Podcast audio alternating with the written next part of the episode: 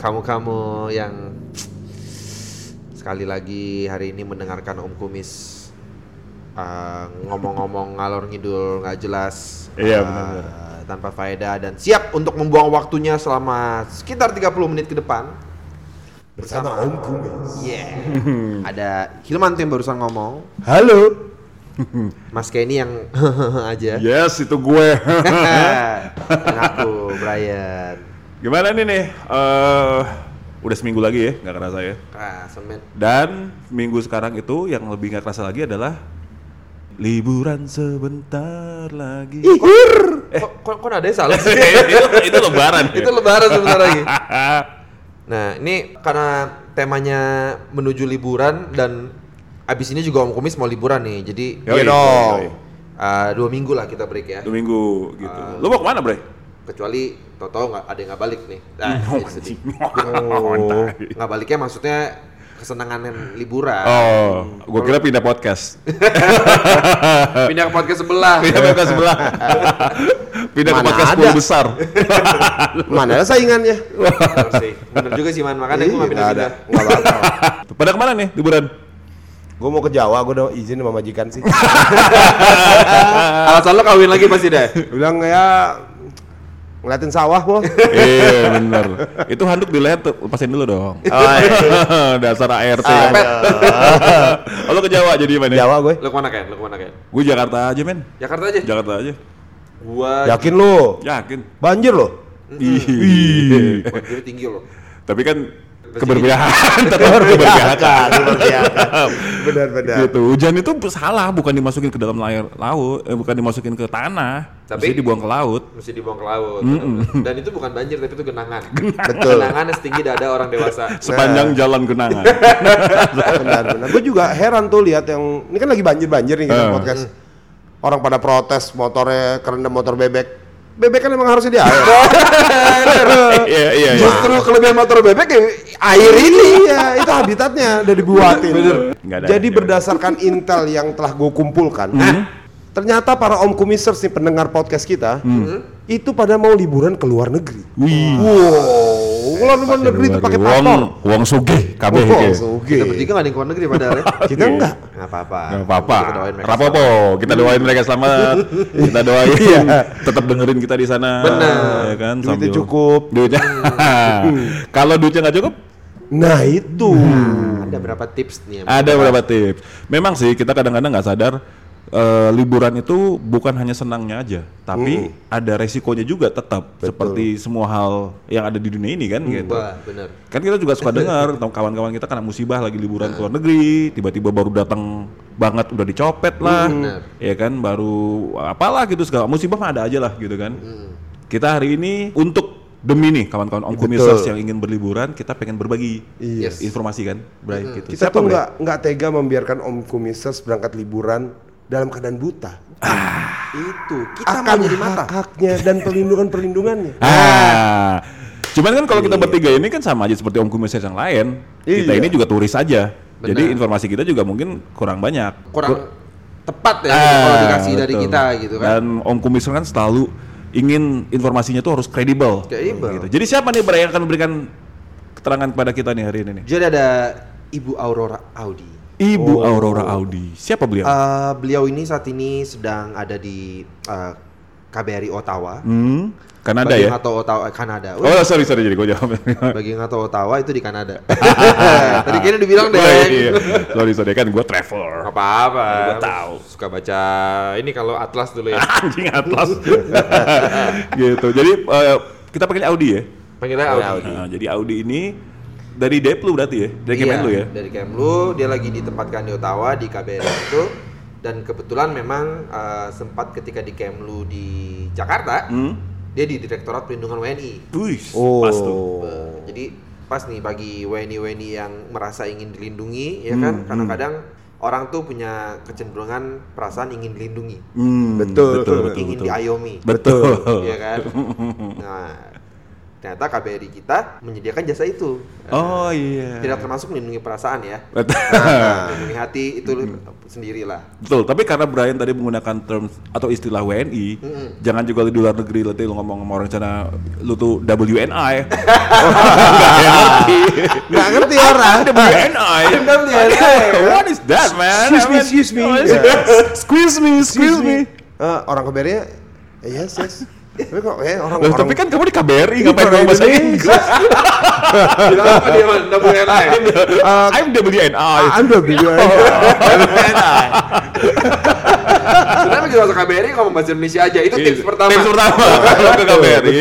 Bahasa Indonesia aja. Langsung berubah bahasa Indonesia. Eh, terus jangan juga lu ngomong bahasa Inggris dilogat-logatin gitu kalau kayak jadi kan, ada orang-orang kayak kalau ngomong British British gitu "Ah, I'm Indonesia sih betul malah kalau KBRI gak percaya lagi orang Indonesia kan ah lu ngaku-ngaku Iya. Eh, you you ngaku-ngaku you bukan orang Indonesia Ada kan kadang-kadang justru kebalikan orang Indonesia Pakai you juga tapi orangnya. nggak tahu bahasa Inggrisnya apa jadi dibulein. Ya. Seakan-akan dia ngerti. Kayak you know sendok sendok gitu. Sama aja. Ah, you know if What happened? What happened? I am kecopetan. You know copetan, you know copetan nggak jadi ngerti Iya. bang. gitu you know I'm belum sarapan belum makan siang Sambil na- tangannya sambil nunjukin Iya, iya, iya, iya. so I'm Seolah-olah orangnya nggak ngerti bahasa Inggris orang lain ya. so I'm lapar gitu. Bapak gini. lapar. Bapak jangan kira gitu ya, Bapak kira saya monyet Lu, nggak- lu ngomong lapar pakai logat Inggris dikira lepra lu entar. oh lapar. Aduh menular nih pergi pergi pergi gitu. Jauhin langsung. Jauh. Oh, Oke, kita kontak aja gimana Mas Audi daripada sebelum kita jadi Mas Audi ya. Iya, Mas Audi. Sebelum kita kasihkan bertiga doang. Iya. Tapi tadi belum apa kita udah dua tips tuh ya. Ah. Kalau ke KBRI ngomong bahasa Indonesia, Ya, ya, bahasa. Inggris. Yang kedua, Jangan so logat Inggris. jangan Iya. pakai British. yang ketiga bahasa Indonesia nggak usah diaksenin. Nggak usah Iya. diaksenin ya. Enggak berarti itu jadi berubah jadi bahasa Inggris. Nggak bikin bule ngerti juga Iya, gitu kan. ngerti. Ah, Gitu. benar, benar. Tips. Akan ditambahin lagi tips, Stand tips oleh Mbak Audi. Coba Mbak kita Audi. telepon Mbak Audi ya. Halo. Hai Audi. Halo. Selamat pagi waktu Ottawa. Selamat malam waktu Jakarta. Gue sama Kenny dan Hilman nih. Halo Audi. Halo Audi. halo. Halo Kenny, halo Hilman. Hai. Halo juga. Gangguin pagi-pagi nih. Iya, nggak apa-apa, udah kan persis soalnya. Iya nih kita gara-gara ini kan eh, akan menjadi eh, edisi pod, episode podcast kita terakhir sebelum liburan akhir tahun nih. Hmm. Jadi rencananya sih kita pengen ngebahas soal hal-hal yang perlu pendengar kita lakukan atau tahu sebelum mereka liburan ke luar negeri. Karena liburan ke luar negeri nggak selalu happy-happy kan, kadang-kadang ada hal-hal yang tidak diinginkan terjadi. Iya. Bisa Nah. set-set juga. Bisa set-set juga nggak happy-happy ya.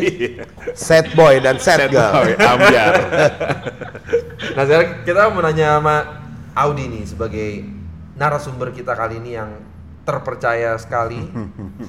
Gimana sih? Kalau salah jawab pada dikurangin gak nilai. Enggak, enggak. Enggak kok, kecuali eh, Pak Dubes mendengar mungkin.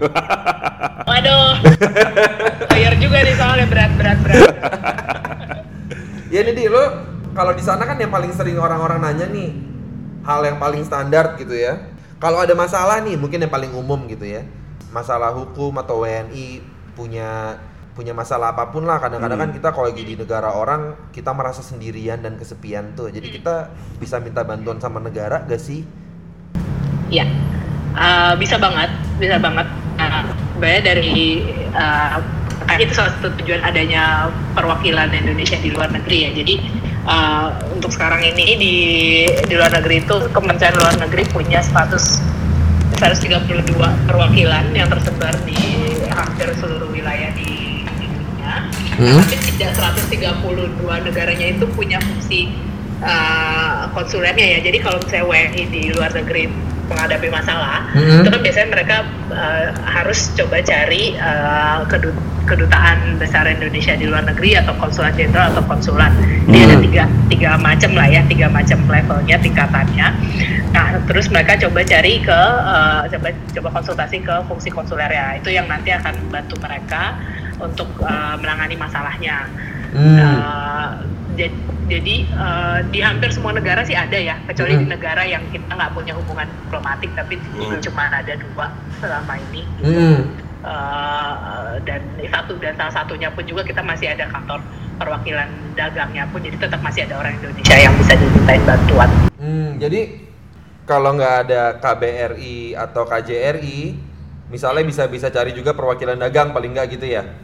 Mm, jadi kayak kita kasusnya di Taiwan. contohnya di Taiwan ya, Hmm. Ah, betul. Kita kan nggak ada nggak ada hubungan diplomatik kan sama Taiwan, tapi kita ada kamar dagang Indonesia di di sana. Ah, per tahun lalu kalau nggak salah kita Hmm. ada ada ah, beberapa teman dari Kementerian Luar Negeri yang memang secara yang khusus nangan ah, nangani isu perlindungan ditempatkan di sana untuk menangani kasus-kasus yang terkait sama perlindungan WNI gitu. Oh. Iya. Oke, Aud- kalau misalnya ini ya, kalau misalnya kita ada KBRI atau KJRI ini, khususnya itu sebenarnya di ada bagian tertentu nggak sih memang fungsinya itu untuk me- melayani masyarakat atau WNI yang memang kebetulan sedang ada di luar negeri? Jadi kalau di semua perwakilan ya, jadi ini be- bedanya aja ya, just apa general info aja. Jadi Hmm. yang membedakan KBRI, KJRI sama KRI itu cuma satu, yaitu eh, KBRI itu punya fungsi politik. Ini nggak terkait ya sama sama sama isu yang kita bahas ini. Hmm, Iya, Yang oke. Kalau KJRI sama sama konsulat sama KRI itu mereka eh, ada semua kecuali fungsi politik. Nah tapi Oke. di, di KBRI, KJRI maupun KRI itu ada yang namanya fungsi protokol konsuler. It- fungsi konsulernya yang secara spesifik menangani eh, apa permasalahan eh, terkait WNI kita di luar negeri atau misalnya ada WNI kita yang kena masalah lah, kena musibah gitu ya di luar Hmm. negeri. Uh, terus, terus gue mesti mesti gimana nih, mesti uh, hal per- step-step pertama apa nih yang mesti gue lakukan? Langsung konsult ke fungsi konsuler di perwakilan itu. Iya. Oke. Cuman kalau kita kebetulan lagi bukan di kota besarnya gitu, terus nggak ada KBRI dan KJRI gimana ya? Terpaksa kita harus Iya, ke kota itu ya, yang ada mereka, yang ada KJRI, Enggak, KBRI. Juga sih. Jadi ada beberapa kasus juga, misalnya kita uh, orang ya namanya orang mau berwisata atau mau bekerja ya gitu. Mereka kita kan nggak bisa ngebatasin. Kamu harus cuma perginya di negara yang ada KBRI-nya, KBRI, KBRI. Benar. KBRI, KRI pun juga terbatas kan jumlahnya gitu. Nggak, nggak sebanyak jumlah negara atau kota yang ada kan. Uh, jadi uh, kalau misalnya terpaksa pergi atau harus pergi ke tempat yang memang nggak kebetulan nggak ada perwakilan Indonesia sama sekali, uh, pertama pada saat kita dat- masuk ke, ke negara itu kita biasanya dapat tuh yang namanya SMS blast. Nah iya SMS blast itu tuh. biasanya informasi informasi di mana tuh perwakilan Indonesia yang paling dekat di wilayah di Oh. kita, gitu misalnya. Dan dan SMS Blast itu tuh dia- seluruh dunia ya?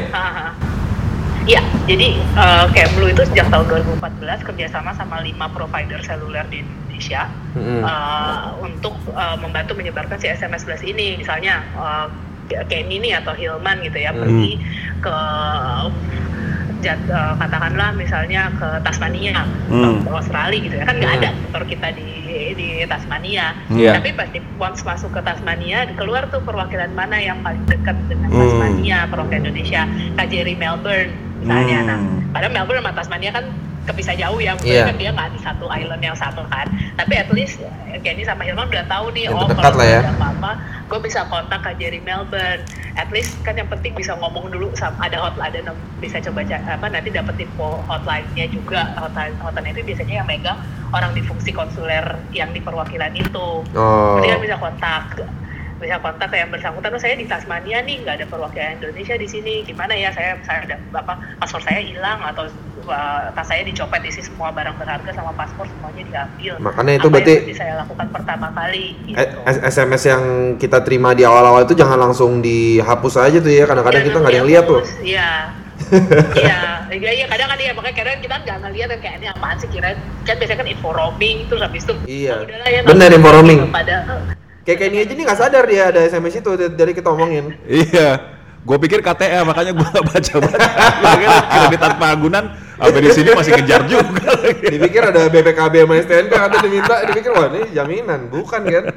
Ini Iya, jaminan keamanan, jaminan, Jaminan keamanan. Nah, kalau dari dari Kemenlu sendiri ada nggak sih Audi nomor misalnya kayak semacam nomor hotline Apa tadi tuh yang Yang- yang- di yang Ojek itu nomor nomor hotline hotline itu ya? di pusat Oh, oke. Ya, jadi kalau misalnya, jadi di Jakarta sendiri di di Kemlu pusatnya ya di Direktorat Perlindungan WNI itu ada eh, eh, nomor hotline yang memang kita pegang itu kan kas eh, apa ya adanya di Indonesia ya kalau misalnya Hmm, kita iya. adanya di luar negeri misalnya yang Hmm. beda waktunya 12 jam gitu kayak di Kanada ya agak percuma juga kan untuk ngontak ke Jakarta kan tapi semua perwakilan Indonesia wajib punya eh, sekarang wajib punya eh, nomor hotline Hmm. yang bisa dihubungi 24 jam dan itu Wow. informasinya ada di semua website uh, ke perwakilan kita gitu karena itu memang nomor yang memang harus kita kasih ke ke orang luar kalau ada apa-apa. Oke. langsung pengen jalan-jalan nih. Jadi sangat sangat sangat disuggest buat eh, siapa pun juga yang ingin berlibur ke luar negeri coba cek juga ya eh, website dari kedutaan Iya. setempatnya ya untuk bisa tahu nomor-nomor bisa dikontak gitu. Iya. Dan uh, mungkin kalau boleh informasi apa kasih info juga sekarang Kemlu itu punya aplikasi yang bisa di-download di Google Play, Nah. Uh, keren. iOS juga, Hmm. namanya Safe Travel. Safe Travel. Uh, di-. Uh, Oh. Safe Travel itu jadi kita bisa ngelihat, uh, misalnya kita mau pergi ke Ankara misalnya di Iya. Turki, di situ tuh ada semua, uh, misalnya kayak uh, tingkat keamanannya, misalnya kan ada Hmm. beberapa Oh. negara yang sebenarnya masuk Iya. kategorinya kurang aman Hmm. karena lagi ada riot atau apa. Nah, di situ tuh ada semua informasinya tingkat keamanannya, terus kemudian uh, perwakilan kita yang paling dekat Oh, situ, wow. misalnya KBRI Ankara, Oh. Misalnya di Turki, misalnya kita mau dari Ankara mau pindah ke Istanbul segala macam, ke kota-kota lain, di situ ada perwakilan-perwakilan kita, terus ada info sampai informasi tempat makan yang halal, misalnya orang mau makan Oh, keren juga ya. Uh, tempat ibadah, terus tempat wisata yang kita bisa kunjungin itu ada semua di situ. Oh, Wah. sekarang Kenny Gitu. tahu. Jadi I really suggest Kalau- buat orang-orang yang mau traveling untuk uh, coba lihat di Google Play atau di iOS mereka Oh. dan Oh, kemudian nice, nice. download aplikasinya. Gitu. Kado diskon nggak ada? Eh, kode diskon nggak ada kode diskon? Orang diskon. boleh eh, shopping gratis Nggak asal jangan sebel. kasih bawa 10 orang buat download itu Oh, Gue bos, gue gue udah dapet tiga nih, gue dapet tiga sekarang. asal jangan sebelum berangkat lu cek tingkat keamanannya cukup eh, sorry tingkat eh, resikonya cukup rendah tapi pas lu pulang sana jadi tinggi jangan gara-gara lu gitu. Kamu bikin kacau. kamu ini aduh Cuman kalau kalau apa? Yang paling gampang, yang paling sering nih orang tanya kalau hilang paspor tuh nah tuh. sama kayak kita pasti cari KBRI KJRI terdekat gitu ya. jadi ini misalnya ya nih ka- uh, apa worst case-nya ya misalnya kita pergi nih ke ke apa ke kota yang yang nggak ada KBRI paling dekatnya gitu ya pasti kita coba cari uh, polisi kantor polisi itu, Hmm. itu, itu pasti lah ya di Indonesia pun kita pasti kayak gitu kan Iya.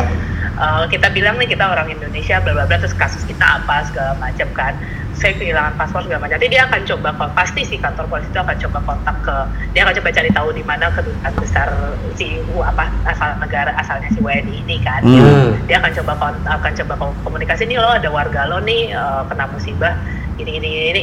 Dan nanti uh, apa akan pasti akan langsung dikontak sama sama teman yang ada di KBRI KJRI atau KRI Hmm. nanti biasanya kalau misalnya dokumen saya sama sekali nggak punya pegangan makanya baiknya ya kalau kita traveling Hmm. uh, paspor itu harus selalu dibawa itu jelas itu Iya. harus Oh, harus selalu dibawa ya? Kan Hmm. harus tapi Oke. uh, kita harus selalu bikin kopinya fotokopinya just in case oh tinggalin aja ya betul betul betul paspor yang asli Hmm. ya dan itu kita simpen di, di saya kita- misalnya paspor yang asli kita taruhnya di dalam tas tapi yang paspor uh, apa fotokopinya Kopi. kita simpen di di Hotel. misalnya jadi kalau Hmm. tas hilang at least kita masih punya oh ini gue gue punya kok paspornya cuman hilang tapi gue punya kopinya Oh. itu uh, kopi paspor sama kopi visa kunjungannya Hmm. gitu Hmm. nah nanti misalnya itu hilang ya si paspornya mau tetap- mau nggak mau harus datang kan ke, ke perwakilan untuk dibuatkan dokumen untuk bisa balik pulang kan ke Indonesia. Nah itu kita nyebutnya SPLP surat perjalanan laksana paspor itu sifatnya sekali pakai. Hmm, Jadi oke. hanya untuk keluar, hanya untuk keluar dari negara tersebut untuk balik ke ke Indonesia untuk ke apa balik ke negara tujuannya ya itu di itu dikenal umum maksudnya nggak cuma di Indonesia doang tapi pada prakteknya Langsung balik tuh ya? ya pakai kayak gitu. harus langsung balik Ya, Misalnya, jadi nggak bisa jalan-jalan lagi ya? Iya, harus balik karena istilahnya kan apa, kita pergi nggak punya ID kan, iya iya iya negeri ya nggak punya ID, nggak punya izin izin untuk masuk dan dan stay di situ kan, gitu, dengan hilangnya si paspor kan, yang otomatis visanya pun juga visanya kan dibuat sesuai dengan nomor paspor itu. Paspor, kan. iya. Pas Kalau- ya Kalau kalau kalau kita tapi kalau kita mau maximize stay kita di kota itu masih nggak apa-apa lah ya, tapi nggak boleh pindah negara gitu, nggak boleh pindah bat, lu keluar batas negara gitu ya. Iya, Eh, ya sebenarnya sih kalau kita ya uh, Heeh. menyarankan sih sebenarnya kayak mungkin pikirannya kan uh, si turisnya, ah gue nggak mau rugi nih gue udah. Bener. gua kan berpikir seperti turis nggak mau rugi nih. Bukannya gue sifatnya seperti itu. Iya, disclaimer, disclaimer. Kalau iya, iya, kita bisa paham sih, berarti ada pada perhitungan cost apa ya rugi, ruginya ya. Ya kalau misalnya memang terpaksa banget harus uh, mau tetap mau stay di situ, ya kita tidak menyarankan untuk ya benar keluar dari wilayah itu, Hmm. just stay there gitu. Oke oke. Tapi I- itu prosesnya berapa lama ya Audi ya si Oh, iya. SPLP itu keluar ya? Kalau SPLP cepet sih karena yang penting orangnya dat harus datang kan mau nggak mau dia harus datang ke kantor karena kan harus diambil datanya terus Mm-mm. fotonya segala macam sama lah ya kayak kita bikin bikin paspor bikin dokumen perjalanan gitu. Mm-mm. Eh, apa eh, ta- eh, biasanya waktu ya sesuai dengan waktu bukanya si eh, Kantornya ya? KJD atau KRI itu Mm-mm. gitu. Tapi biasanya kalau misalnya memang kasusnya, maksudnya memang perlunya sangat-sangat urgent, eh, apa tentunya treatmentnya juga nggak disamakan dengan yang lain ya. Gitu. Saya Hmm. ini bener-bener nih gue udah nggak punya izin tinggal sama sekali nih. Kalau Iya. stay lebih lama, gue overstay, itu Iya. kan otomatis dia ada time constraint yang iya. harus penuhin kan. Hmm. Jadi pasti akan di diutamakan agar dia jangan sampai overstay. Tapi kalau misalnya dia masih visanya masih kalau lihat dari komnya masih valid ya tetap akan diproses secepat mungkin Hmm. pokoknya intinya menghindari dia overstay di situ Oke. Itu oke. sehari dua hari keluar gak sih? Eh, kalau sangat sangat urgent bisa sehari keluar tapi Oh. eh, itu dan again ya maksudnya per eh, itu harus di- ditanyain ke Iya. masing-masing perwakilan sebenarnya kebijakannya sama tapi kan kadang dalam beberapa kasus perwakilan itu kan nggak sama semua ya misalnya dalam artian jumlah stafnya kemudian Iya. load load permohonan logistiknya lah ya. pembuatan dokumen pekerjaan segala macam ya kayak gitu gitu sebisa mungkin pasti akan dibikin secepat seharusnya ya Oke. Tapi ya, kadang ada situasi kondisi kayak gitunya lah Nah, ini kalau gini Audi, kalau sampai kehilangan semuanya hilang nih, semuanya benar-benar hilang sampai bahkan dia udah nggak punya uang lagi gitu ya. Dan ya Dan di- dan dia sendirian Dan lagi. sendirian dan mungkin juga eh, nggak ada juga di Indonesia yang bisa bantu dia beliin tiket apa segala macam Dan di gitu-gitu. dunia ini dia emang sebatang kara. dia sebar dia sebar Dan dia nggak punya temen. oh dia tapi bisa pergi ke luar negeri iya ngapain jalan-jalan kamu aduh Kenapa kamu nggak di rumah meratapi nasib kamu? Yang sedih.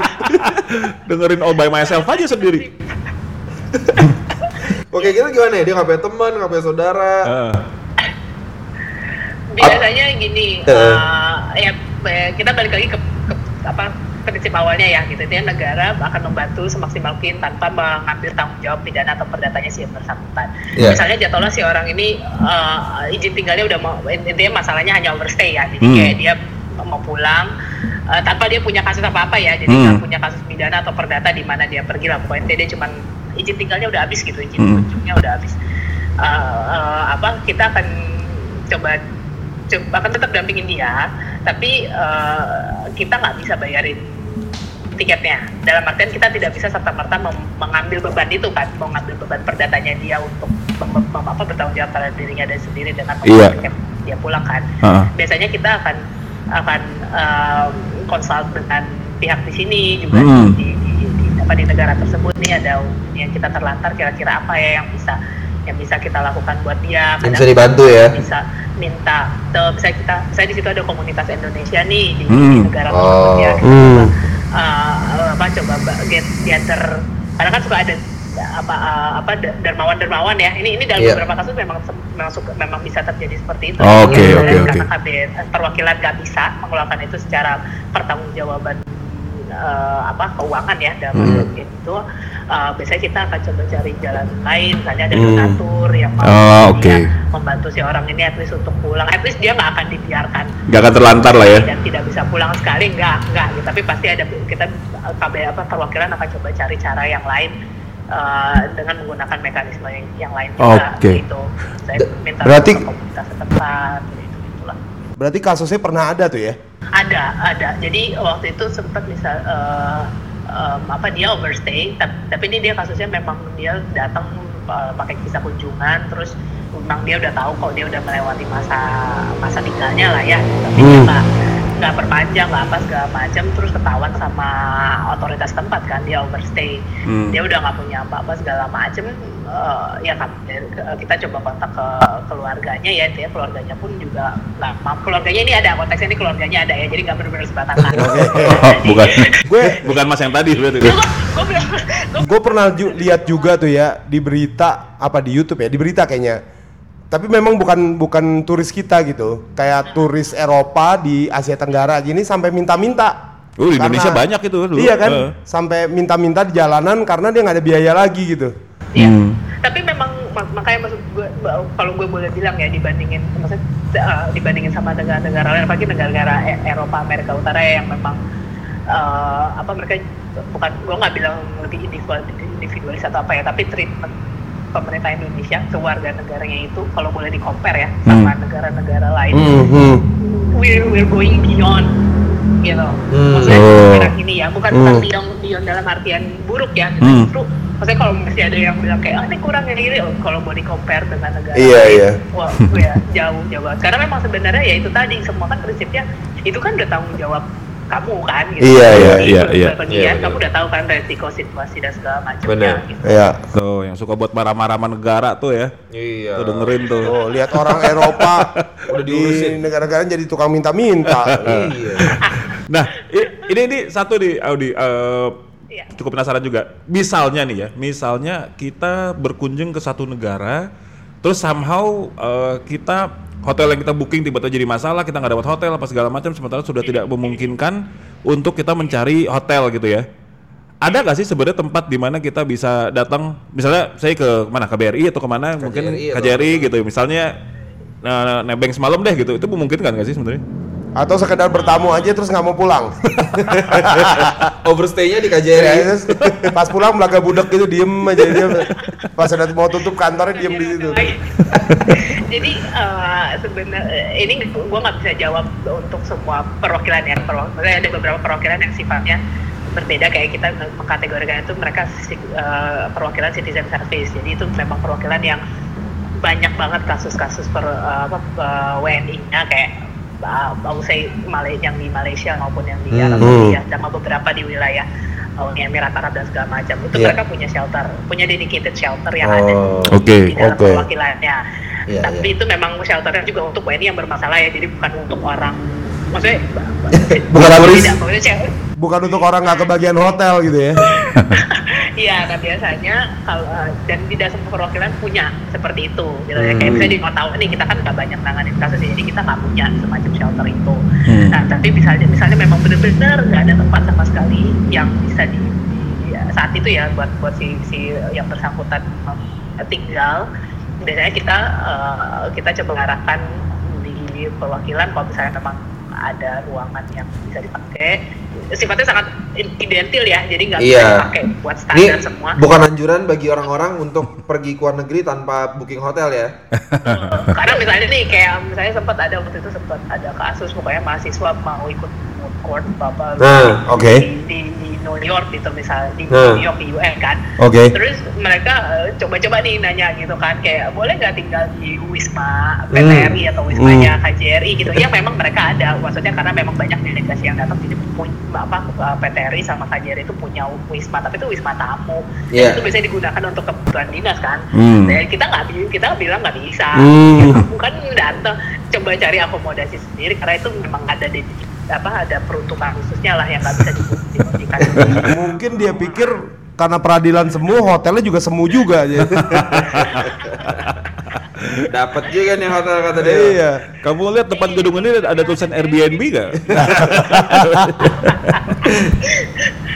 Siap. Iya, mahasiswa gitu kan ya enggak lah kita Eh, namanya juga usaha ya. Ingatnya dulu zaman kita masih mahasiswa ya Audi ya. Iya.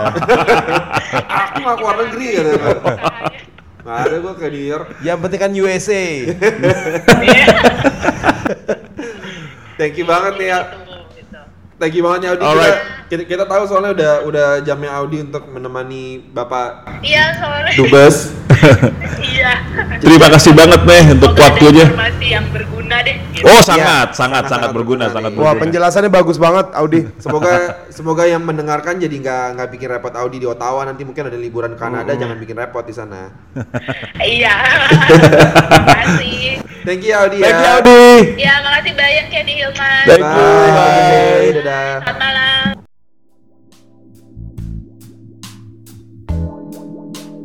Nah,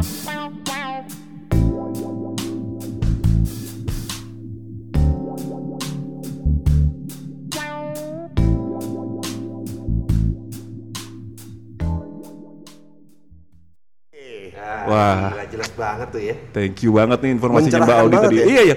Sebenarnya eh, buat gue pribadi tuh banyak juga hal tadi yang cukup baru tahu gue nya gitu kayak. Padahal lu udah sering keluar negeri kan. Kenny. Bryan setahun bisa 3-4 kali keluar negeri. Apa tahu tuh? Bahwa begitu lo nyampe lo langsung di SMS. Bener. Gue.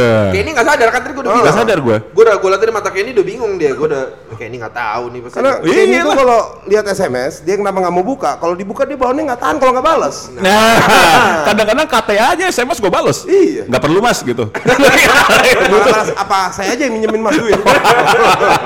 Kebetulan saya juga punya usaha yang sama. nah tapi itu informasi penting tuh. Jadi buat kawan-kawan eh, jangan kayak gue. Jadi kalau ada SMS tuh tolong diperhatiin juga. Ba- Ada ada hotline-nya ya, ada iya, hotline-nya ada ada hotline. Deplu. Jadi tiap negara loh. Mm-mm, eh, hotline-nya Kemenlu ya. Iya. Terus juga tadi bagus tuh eh, sebelum berangkat Hotline-nya KBRI. Eh KBRI Iya, ya. yang setempat. Terus sebelum berangkat nggak ada salahnya untuk cari informasi dulu lebih jauh tentang K- KBRI atau konjen yang terdekat dengan tujuan kita di negara tersebut. gitu. Bahkan udah ada app-nya tuh ya. Iya, nah itu itu gila tuh. Makanya gue amazed juga ya ternyata pemerintah kita tuh udah memang udah going the distance juga ya Hmm. mau melayani. Oh, juga ya? Iya, untuk melayani apa namanya kebutuhan traveling WNI di luar negeri. Iya, gitu. iya, iya. Sampai ada apps itu gue kaget juga sih. Kagum ya, cukup Ha-ha. kagum ya, gitu. Dan detail, isinya tuh detail Iya. gitu. Iya dia sampai bisa ngasih apa rekomendasi restoran Makanan, ya. iya. Yang rekomendasi restoran halal. Iya, wah itu Penting bagus tuh. banget tuh. Hebat tuh. Kan kalau kita kan juga kalau jalan-jalan keluar ya kan kita juga nyari restoran yang halal ya kan ya. Pasti. Iya. Walaupun the other way around gue jadi membayangkan Pakai uang halal maksudnya bayarnya. kedutaan asing yang di sini itu nge-warning makanan juga gitu nggak ke warga negara yang buat orang yang lagi traveling ke sini di- ya? eh. itu Yang kedutaan mereka lah. siswa SMP keracunan makanan sekian banyak gitu. itu Jadi- masuk ke jadi FC travel warning. Iya. jangan jangan beli di daerah situ gitu ya. Iya. Iya sih. Kita kan di, di warning tuh detail juga ya. Gue gue jadi penasaran sih. Nanti nanti akan kita cek dan abis ini akan gua akan akan ini sih akan Akan download, gua download juga. ya gitu. Hmm. Safe travel ya. Iya, wah gua kita harus mengucapkan nih Om Kumis heads off to Kemenlu ya. Iya, Kamu, benar. yes. Benar nggak nggak sangka gue sampai sejauh itu. Luar gitu. biasa, luar biasa gitu. Nah, lalu deh selanjutnya ya. Tips-tips apa lagi nih yang bisa kita berikan di luar apa yang sudah diberikan oleh Mbak Audi? Apa lagi ya? Kadang-kadang tuh tips-tipsnya mungkin jangan kebanyakan nitip. Oh enggak gitu ya? Ya? Apa ya? Oh, gini nih, ada satu nih, nyewa mobil. Nah, Nyewa mobil itu temen gua kita ada tuh yang nyewa mobil terus dia road trip terus eh, tiba-tiba pas pulang tagihan kartu kreditnya meledak. Oh iya? Iya. Karena? Ternyata dia banyak melakukan pelanggaran-pelanggaran lalu lintas langsung didenda, man. Oh iya benar. Gitu. Iya benar-benar. iya iya, soalnya kartu kredit langsung diregister atas nama Iya. itu Betul, betul. Jadi itu satu tuh informasi juga ya. Iya. buat kawan-kawan yang mau road trip eh, ya perhatiin apa aturan lalu lintasnya bukan berarti lu gara-gara habis itu lu pulang lu pikir aman nih gua. Kayaknya sepanjang perjalanan kita nggak pernah diberhentiin polisi ya, say. Gila aku dari tadi ngelanggar speed limit terus. gua kerjain nih negara. Bad, abis itu cewek bilang, so- istrinya bilang, kamu bad boy banget. Iya. Mas kamu cowok paling bandel di sini. Suamiku bad boy ngelanggar speed limit. Mas, mas tuh speed limitnya kan 70, mas 75 larinya loh. Oh, gila. Tadi kan Abis itu lihat kredit kartu jadi bad credit. Jadi bad boy. Bad boy Gitu. langsung jadi bad credit loh. Ah, itu satu tuh. Eh, hati-hati juga soal eh, nyewa-nyewa mobil ya segala Iya. macam gitu akan tanggung jawabnya akan mengikuti kita saat, saat kita pulang ke Benar, Indonesia benar. gitu. Sama nyewa-nyewa yang lain-lain tuh kan biasa ada yang Oh, minta betul. nyewa jasa yang nemenin gitu kan. Iya benar. Apa sih istilah itu S? Eh, Es- istilahnya sangat asing bagi gua. Iya. Kebetulan gue inget nih, escort nama Oh, escort. escort ya benar. Setelah gue Google kok. itu kenapa itu? Kalau nyewa escort, gue rasa sama aja di Indonesia maupun di mana pun juga. iya. Bahasanya aja paling beda gitu kan. Nah, Bahasanya mungkin gitu. kan orang mikir ah mumpung nih kalau di Indonesia kan nggak boleh Iya. ya kan melanggar Ah. hukum nih wah Nah, mumpung gue di luar ya. negeri Ah. gitu Nah. gue cobain deh semua melanggar hukum ya di Indonesia ya kan semua di checklist tuh oh di Indonesia melanggar hukum apa aja tek tek tek tek. luar negeri gue harus Harus gue langgar. lakuin nih semuanya Kebetulan ke negara-negara yang misalnya tadi yang hal-hal yang nggak boleh di Indonesia boleh di sana ya. iya Ya. misalnya Nah, itu. Itu pertanyaan tapi. Prostitusi. prostitusi Iya. Judi. maksudnya lu yang jadi prosti- prostitutnya apa apa lu yang menjadi pengguna Kalau lu jasanya kalau lu keluar negeri terus jadi prostitut jadi prostitut ya, Ilegal juga ya? kerja juga lagi Iya, izin kerja jatuhnya. Iya, itu lagi, migrasi Jatuhnya lagi. gitu. Benar. Tapi itu benar juga, banyak juga yang nanya tuh, kalau misalnya gue melakukan hal-hal yang melanggar hukum di Indonesia, tapi ke negara yang tidak eh, hal tersebut bukan suatu pelanggaran hukum, Iya. boleh nggak gue lakukan? Gitu. Nah, Jawabannya, misalnya menghina agama oh enggak ya keras keras Kok jadi menghina agama? agama tuh yang gue takutin itu apa eh, hukum akhiratnya. iya Ah. betul Ini Apa? itu berlaku universal berarti ya benar. benar-benar Bener-bener. Lagi pula kalau sekarang lu menghina agama, men, lu nyusahin orang lain tau gak betul Bikin macet demonya, men. oke enggak deh kalau gitu Gak ada, jangan ya, jangan, ente pada telat Kita bikin contoh men. yang lain, contoh yang lain. Contoh yang lain misalnya judi Nah, judi itu. Negara kan ada tetangga. ada di beberapa negara kan judi itu gak dilarang. Termasuk Singapura aja kan. Singapura. Iya kan gitu. Kayak melakukan eh, narkoba-narkoba tertentu seperti ganja misalnya. Nah, ada beberapa negara yang memang ganja sekarang udah legal kan? Legal. Kalau di Amerika di mana ya? Ada di California kalau Ada nggak salah ya. negara di bagian kan, negara bagian udah oke yang gitu. Legal. Nah, judi Belanda dulu deh. Belanda Oh, Belanda juga ya. Belanda. Nah, judi dulu deh, judi dulu deh. Lu berjudi di Singapura sih, hmm. ke kasino gitu ke kasino gitu. Boleh apa enggak? Ya boleh. Boleh. Soalnya ada tuh di kitab undang-undang hukum pidana kita kan. Hmm. Yang moga-moga ini nggak direvisi. bagian ini ya Bagian ini. Jadi ada ketentuan bahwa perbuatan yang dianggap kejahatan di Indonesia Hmm. apabila dilakukan di luar negeri Hmm. dan tindakan itu di luar negeri diancam pidana, Hmm. hanya itulah yang bisa dipidana di Indonesia. Dengar tuh. Jadi kalau di luar negeri itu diancam pidana aja baru bisa dipidana di Oke. Indonesia. Hmm. jadi kalau di sini kejahatan di sana pun kejahatan juga Iya. maka walaupun lo melakukannya di luar negeri Iya. lo masih bisa Di- dihukum di Indonesia Betul. gitu ya Betul.